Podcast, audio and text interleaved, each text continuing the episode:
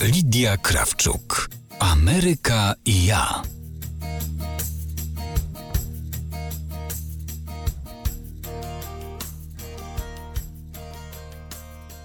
Można powiedzieć, że w pewnym okresie swojego życia była jedną z największych na świecie influencerek, choć wówczas nikt nie posługiwał się tym terminem.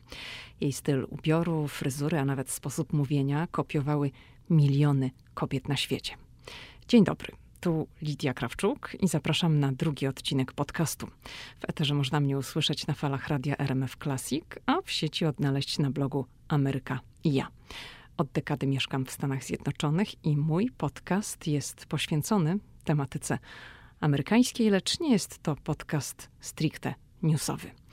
Dziś opowiem o byłej pierwszej damie USA, Jacqueline Kennedy, żonie 35. prezydenta Stanów Zjednoczonych. Gdyby nadal żyła, świętowałaby w lipcu 90. urodziny. Rozpoczynając, chcę krótko powiedzieć, dlaczego w ogóle zajmuję się tym tematem. Otóż e, wszystko tak naprawdę rozpoczęło się od książki. To wtedy pierwsza dama, Jacqueline Kennedy, zaczęła mnie po prostu fascynować. W 2012 roku na amerykańskim rynku ukazały się wspomnienia Clint'a Hilla, byłego agenta Secret Service, pod tytułem Mrs. Kennedy and Me. Ta książka ukazała się również w Polsce pod tytułem Pani Kennedy i ja. W książce ponad 80 dziś-letni człowiek opisał, jak wyglądała z jego perspektywy ochrona byłej pierwszej damy USA Jacqueline Kennedy. Gdy tylko dowiedziałam się o książce, natychmiast ją kupiłam. Temat tak bardzo mnie wciągnął, że po przeczytaniu Mrs. Kennedy and Me kupiłam kolejną książkę poświęconą Jackie Kennedy, a potem były kolejne i kolejne. Pierwsza dama Jackie Kennedy to był jednak tak naprawdę początek. Zaczęłam sięgać również po biografię innych pierwszych dam USA i przy okazji odkrywać wiele szalenie ciekawych rzeczy dotyczących współczesnej i nie tylko historii Stanów Zjednoczonych. Dziś w tym podcaście podzielę się cząstką tego, o czym dowiedziałam się w Ameryce na temat pani Kennedy. Celowo mówię cząstką, ponieważ napisano na jej temat mnóstwo książek i nie da się opowiedzieć tego w nagraniu o pewnych ramach czasowych. Dlatego skupię się głównie na okresie dotyczącym Białego Domu. To zaczynamy. Zgodnie z panującym w USA zwyczajem, niedługo po wyborach prezydenckich, które odbywają się zawsze w listopadzie, Urzędująca pierwsza dama osobiście oprowadza żonę zwycięzcy w wyborach po Białym Domu. Kończąca kadencję pierwsza dama pokazuje swojej następczyni publiczną oraz prywatną część rezydencji prezydenta Stanów Zjednoczonych. Jestem w USA od 2009 roku i widziałam relacje z dwóch tego typu spotkań. Wtedy, gdy Laura Bush witała w Białym Domu Michelle Obamę oraz gdy Michelle Obama podejmowała Melanie Trump. Byłam w Białym Domu przy różnych okazjach, e, uczestniczyłam w wydarzeniach, na które zapraszane są media, ale nikt w mediach w USA nie pokazuje tego, co dzieje się w środku w czasie takiego spotkania, bo dziennikarzy się nie wpuszcza. Ewentualnie Biały Dom udostępnia jakąś fotografię i tak było w przypadku spotkania Michelle Obamy i Melanie Trump. Kamery mogą zarejestrować czasem jedynie moment powitania, ale w przypadku spotkania Melanie Trump z Michelle Obamą takiej możliwości nie było. Jackie Kennedy odbyła takie spotkanie i taką wycieczkę po Białym Domu w pierwszych dniach grudnia 1960 roku. Gospodynią i przewodniczką była wówczas Mami Eisenhower, żona prezydenta Eisenhowera.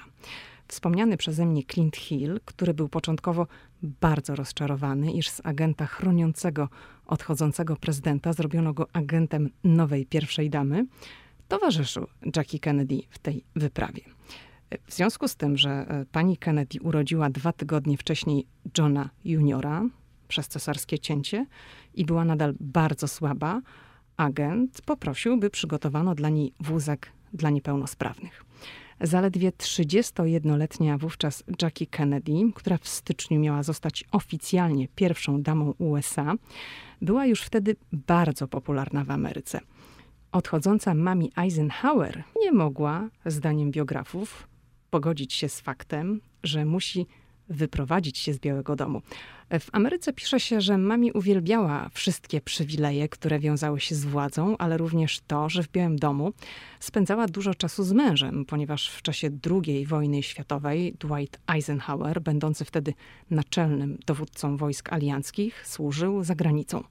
Państwo Eisenhowerowie nigdy nie spędzali ze sobą tyle czasu, ile przez 8 lat przy Pennsylvania Avenue 1600, czyli w Białym Domu. Jednak druga kadencja dobiegła końca i trzeba było się wyprowadzić. Złość mami Eisenhower miał potęgować fakt, że ukochanego męża zastępował w gabinecie owalnym młody demokrata, Eisenhower był republikaninem, u którego boku stała młoda i stylowa żona, czyli Jacqueline Kennedy. Nawiasem mówiąc, w jednej z książek wyczytałam, że każdy, kto wyprowadza się z Białego Domu, myśli o swoich następcach, że na to nie zasługują. Ale wracając do, do tej wizyty. Ta prywatna wizyta, podczas której mami Eisenhower oprowadzała Jackie Kennedy po 30 pokojach, trwała ponad godzinę. E, przyszła pierwsza dama, Jackie Kennedy, ledwo trzymała się na nogach, ponieważ wózka nie było. Kiedy dwa miesiące po przeprowadzce do Białego Domu pani Kennedy zapytała szefa administracyjnego, czy wie, że lekarz zaleciłby w czasie prywatnej wycieczki jeździła na wózku, ten odparł, że wózek został dostarczony, jednak mami Eisenhower kazała go schować. Odchodząca pierwsza dama poinstruowała personel, by udostępnić go tylko wtedy, jeśli zostanie wypowiedziana taka potrzeba. Sama nie przekazała jednak e, swojemu gościowi informacji, że wózek czeka w pogotowiu, a Jackie Kennedy nie śmiała o niego poprosić. Oczywiście Jacqueline Kennedy doszła po jakimś czasie do formy, zawsze zresztą bardzo dbała o dietę, uprawiała sport, miała świetną sylwetkę. Jej mąż z kolei, John Kennedy, wybrany na prezydenta USA w listopadzie 1960 roku, co czyniło go najmłodszym człowiekiem w amerykańskiej historii, któremu powierzono kiedykolwiek ten urząd. Miał 43 lata, tylko wyglądał rzeźko i zdrowo. Tak naprawdę był poważnie chory. Tak chory, że historycy twierdzą, że gdyby prawda wyszła na jaw w czasie kampanii wyborczej, John Kennedy nie mógłby być nawet kandydatem na prezydenta. Stan zdrowia JFK był bowiem jednym z najbardziej strzeżonych sekretów w Ameryce tuszowano prawdę jak tylko się dało. Zanim Kennedy wygrał wybory i wprowadził się do Białego Domu w 1961 roku, jego rywale polityczni ujawnili prasie wiele szczegółów na ten temat. Należał do nich m.in. Lyndon Johnson, który ostatecznie został wiceprezydentem Kennedy'ego. Kennedy cierpiał na chorobę Addisona, czyli niedobory hormonalne, które mogły go nawet zabić. E, rywale chcieli odsunąć go więc od walki o nominację, upubliczniając ten fakt. Nie udało się. Ludzie Kennedy'ego zaprzeczyli informacjom natychmiast, posiłkując się lekarzami, którzy poświadczali, że jego zdrowie jest ponadprzeciętne i że nigdy nie miał czegoś, co nazywa się chorobą Addisona. Cóż, z prawdą to nie miało nic wspólnego, a niedobory hormonalne to tylko jedna strona medalu – Druga to jest taka, że Kennedy cierpiał też na chroniczny ból pleców i przyjmował ogromne ilości różnych leków. Był też pod stałą opieką alergologa, endokrynologa, gastroenterologa, ortopedy i urologa. Z raportów, które opublikowano wiele lat po jego tragicznej śmierci, wynika, że przed ważnymi konferencjami prasowymi albo przed wystąpieniami telewizyjnymi lekarze zwiększali mu dawkę kortyzonu, tak by mógł radzić sobie z napięciem. Organizm Kennedy'ego nie był bowiem w stanie produkować własnego kortyzonu w odpowiedzi na stres. Choć te leki powodowały u niego zmęczenie, to nie widział w tym problemu. Zwykł mawiać: Nie obchodzi mnie, co przyjmuję, nawet jeśli to mocz konia. Ważne, że działa. Państwo Kennedy wprowadzili się do Białego Domu w styczniu 1961 roku. Jackie Kennedy nie była jednak zachwycona ani prywatną, ani publiczną częścią rezydencji. E, jak wyjawiła w jednym z wywiadów, większe wrażenie niż Biały Dom robiła na niej Galeria Narodowa w Waszyngtonie. Postanowiła więc to zmienić i odrestaurować wnętrza. John Kennedy miał się wtedy wściec, ponieważ w Waszyngtonie mówi się, e, że jeśli próbuje się cokolwiek zmieniać Białym Domu, to natychmiast traci się w sondażach. Kennedy nie chciał się więc początkowo zgodzić na remont, co z dzisiejszej perspektywy zakrawa na groteskę. Sam bowiem organizował sobie imprezy w Białym Domu i zabawiał się z innymi kobietami, a trząsł się na myśl o remoncie. Wściekał się również, gdy Jackie Kennedy chciała zakładać na oficjalne kolacje suknie z odkrytymi ramionami. Jednak decyzja zapadła i remont stał się faktem. Jacqueline Kennedy do odrestaurowania Białego Domu podeszła bardzo rozważnie. Nie zrobiła tego według własnego widzimisię, ale utworzyła specjalną komisję. Ta komisja składała się z muzealnych ekspertów, z ludzi z administracji rządowej oraz prywatnych osób. Zaczęto przetrząsać magazyny i piwnice rezydencji, w których, jak się okazało, znajdowało się wiele historycznych mebli oraz dodatków. Pertraktowano z muzeami, które wypożyczały czasowo dzieła sztuki zdobiły wnętrza Białego Domu. Zresztą taka praktyka stosowana jest do dziś. Znajdowano też sponsorów, którzy finansowali zakup nowych, potrzebnych rzeczy. Rok później Jackie Kennedy zaprosiła telewizję CBS i osobiście oprowadziła dziennikarzy stacji po pokojach rezydencji, opowiadając o dokonanych zmianach. Trwającą ponad godzinę wycieczkę po odnowionych pokojach Białego Domu obejrzały w telewizji w lutym 1962 roku 64 miliony Amerykanów. Dla porównania, ceremonię wręczenia Oscarów z 2019 roku zobaczyło niecałe 30 milionów ludzi mieszkających w USA.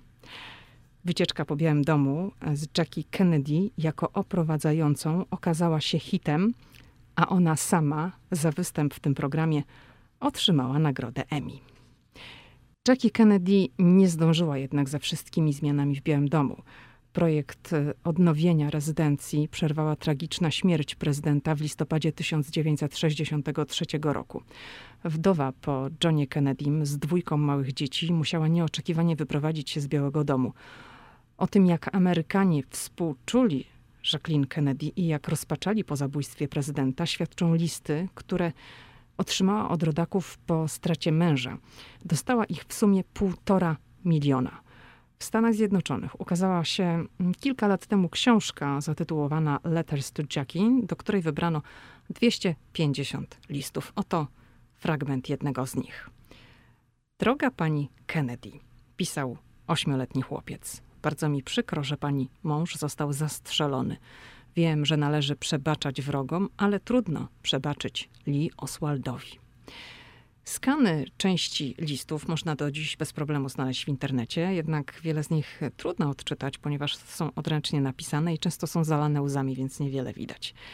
Pisali niemal wszyscy, niezależnie od wieku i płci, poglądów politycznych, przekonań religijnych i koloru skóry. Na okładkę wspomnianej książki, Letters to Jackie, wybrano zdjęcie zrobione w dniu zabójstwa prezydenta, czyli 22 listopada 1963 roku. To było zdjęcie e, z Jackie Kennedy na okładce. Uśmiechnięta pierwsza dama miała wtedy na sobie różowy kostium i toczek w tym samym kolorze. E, każdy, kto kiedykolwiek czytał coś na temat zabójstwa prezydenta Kennedy'ego, zapewne widział ten ubiór. Zdjęcie pierwszej damy USA w zakrwawionej różowej garsonce obiegły przecież cały świat. E, Jackie Kennedy nie chciała przebrać się w samolocie, kiedy już po zabójstwie prezydenta Kennedy'ego w Dallas trumna z jego ciałem wracała do stolicy USA. Powiedziała wówczas: Niech zobaczą, co mu zrobili. Powszechnie uważa się, że ta słynna garsonka, którą miała wtedy na sobie, to kostium od Chanel. Nie jest to jednak prawda. Jackie Kennedy była klientką Chanel od początku lat 50. XX wieku, lecz gdy została pierwszą damą, nie mogła już sobie pozwalać na kupowanie ubrań od luksusowej francuskiej marki. Dlaczego? No, dlatego, że e, została skrytykowana w prasie za swoje zakupy w Paryżu w czasie kampanii prezydenckiej. Wydała wówczas w sklepach na stroje 30 tysięcy dolarów. Kreacje z Paryża były po prostu zbyt kosztowne i poza tym zagraniczne i takie stroje nie wchodziły już w tym układzie w grę. Justine Pecardy w biografii zatytułowanej Chanel Her Life pisze, że Jackie Kennedy chcąc uniknąć kolejnych problemów i gaf związanych z ubiorem, znalazła inny sposób – Stroje Chanel były szyte dla niej w Nowym Jorku w firmie krawieckiej. Z książki wynika, że ubrań nie podrabiano, wykonywano je z materiałów dostarczanych przez Chanel w Paryżu, ale szyto je na Manhattanie. Dzięki temu Jackie Kennedy mogła mieć coś we francuskim stylu, ale wyprodukowanego w Ameryce. Obecnie historyczna różowa garsonka zaplamiona krwią przechowywana jest w jednym z amerykańskich archiwów. Zgodnie z życzeniem rodziny Kennedy nie będzie nigdzie eksponowana jeszcze przez kilkadziesiąt lat do 2103 roku. Co potem? To o tym zdecydują potomkowie słynnego klanu. Po zabójstwie prezydenta Kennedy'ego, które miało miejsce 22 listopada 1963 roku w Dallas, Jacqueline Kennedy mieszkała jeszcze jakiś czas w Waszyngtonie. Zresztą tutaj na pobliskim cmentarzu w Arlington John Kennedy został pochowany, ona sama również. I przed ceremonią pogrzebową, yy, mówimy tutaj o ceremonii pogrzebowej prezydenta Kennedy'ego, ta ceremonia została ściśle zaplanowana przez wdowę, czyli przez Jackie Kennedy. 22 godziny po tym, jak prezydent John Kennedy został oficjalnie uznany za zmarłego, Jackie Kennedy pojawiła się na cmentarzu narodowym w Arlington, żeby wybrać miejsce spoczynku. Rodzina Kennedy'ego nalegała na pochówek w rodzinnych stronach, czyli w okolicach Bostonu. Jacqueline Kennedy uparła się jednak na cmentarz w Arlington, wybierając miejsce na wzgórzu, z którego rozpościera się widok na Waszyngton. Trumna z ciałem prezydenta najpierw została wystawiona na Kapitolu. Trumnę owiniętą amerykańską flagą przetransportował z Kapitolu na cmentarz zaprzęg sześciu białych koni. Za trumną podążał czarny koń, bez jeźdźca, o imieniu Blackjack. Koń o dość dzikim usposobieniu był prowadzony przez żołnierza, a do siodła były przymocowane buty do jazdy konnej. Ceremonię pogrzebową wzorowano na ceremonii pogrzebowej prezydenta Abrahama Lincolna, który również zmarł na skutek zamachu. W dniu pogrzebu nad cmentarzem narodowym w Arlington przeleciało 50 myśliwców reprezentujących 50 amerykańskich stanów, a na koniec pożegnalny kurs wykonał Air Force One. Był to ostatni hołd kapitana maszyny, którą Kennedy bardzo lubił latać. Grób prezydenta Kennedy'ego obok którego pochowana jest również pierwsza dama Jacqueline Kennedy oraz ich dwoje przedwcześnie zmarłych dzieci, jest wciąż najpopularniejszą mogiłą na terenie całej nekropolii, a ten cmentarz odwiedza każdego roku kilka milionów ludzi. Jacqueline Kennedy zmarła w maju 1994 roku w Nowym Jorku, do którego przeprowadziła się wkrótce po śmierci prezydenta Kennedy'ego. Miała 65 lat i zmarła na skutek choroby nowotworowej. Do dziś Jackie Kennedy jest w USA ikoną, postacią, która nadal fascynuje i mimo, że od jej śmierci minęło ćwierć wieku, w USA ciągle ukazują się kolejne książki na jej temat. A przy okazji rocznic magazyny typu Life People wydają specjalne edycje poświęcone jej w całości. Jacqueline Kennedy jest ikoną. To tyle w dzisiejszym odcinku. Do usłyszenia następnym razem.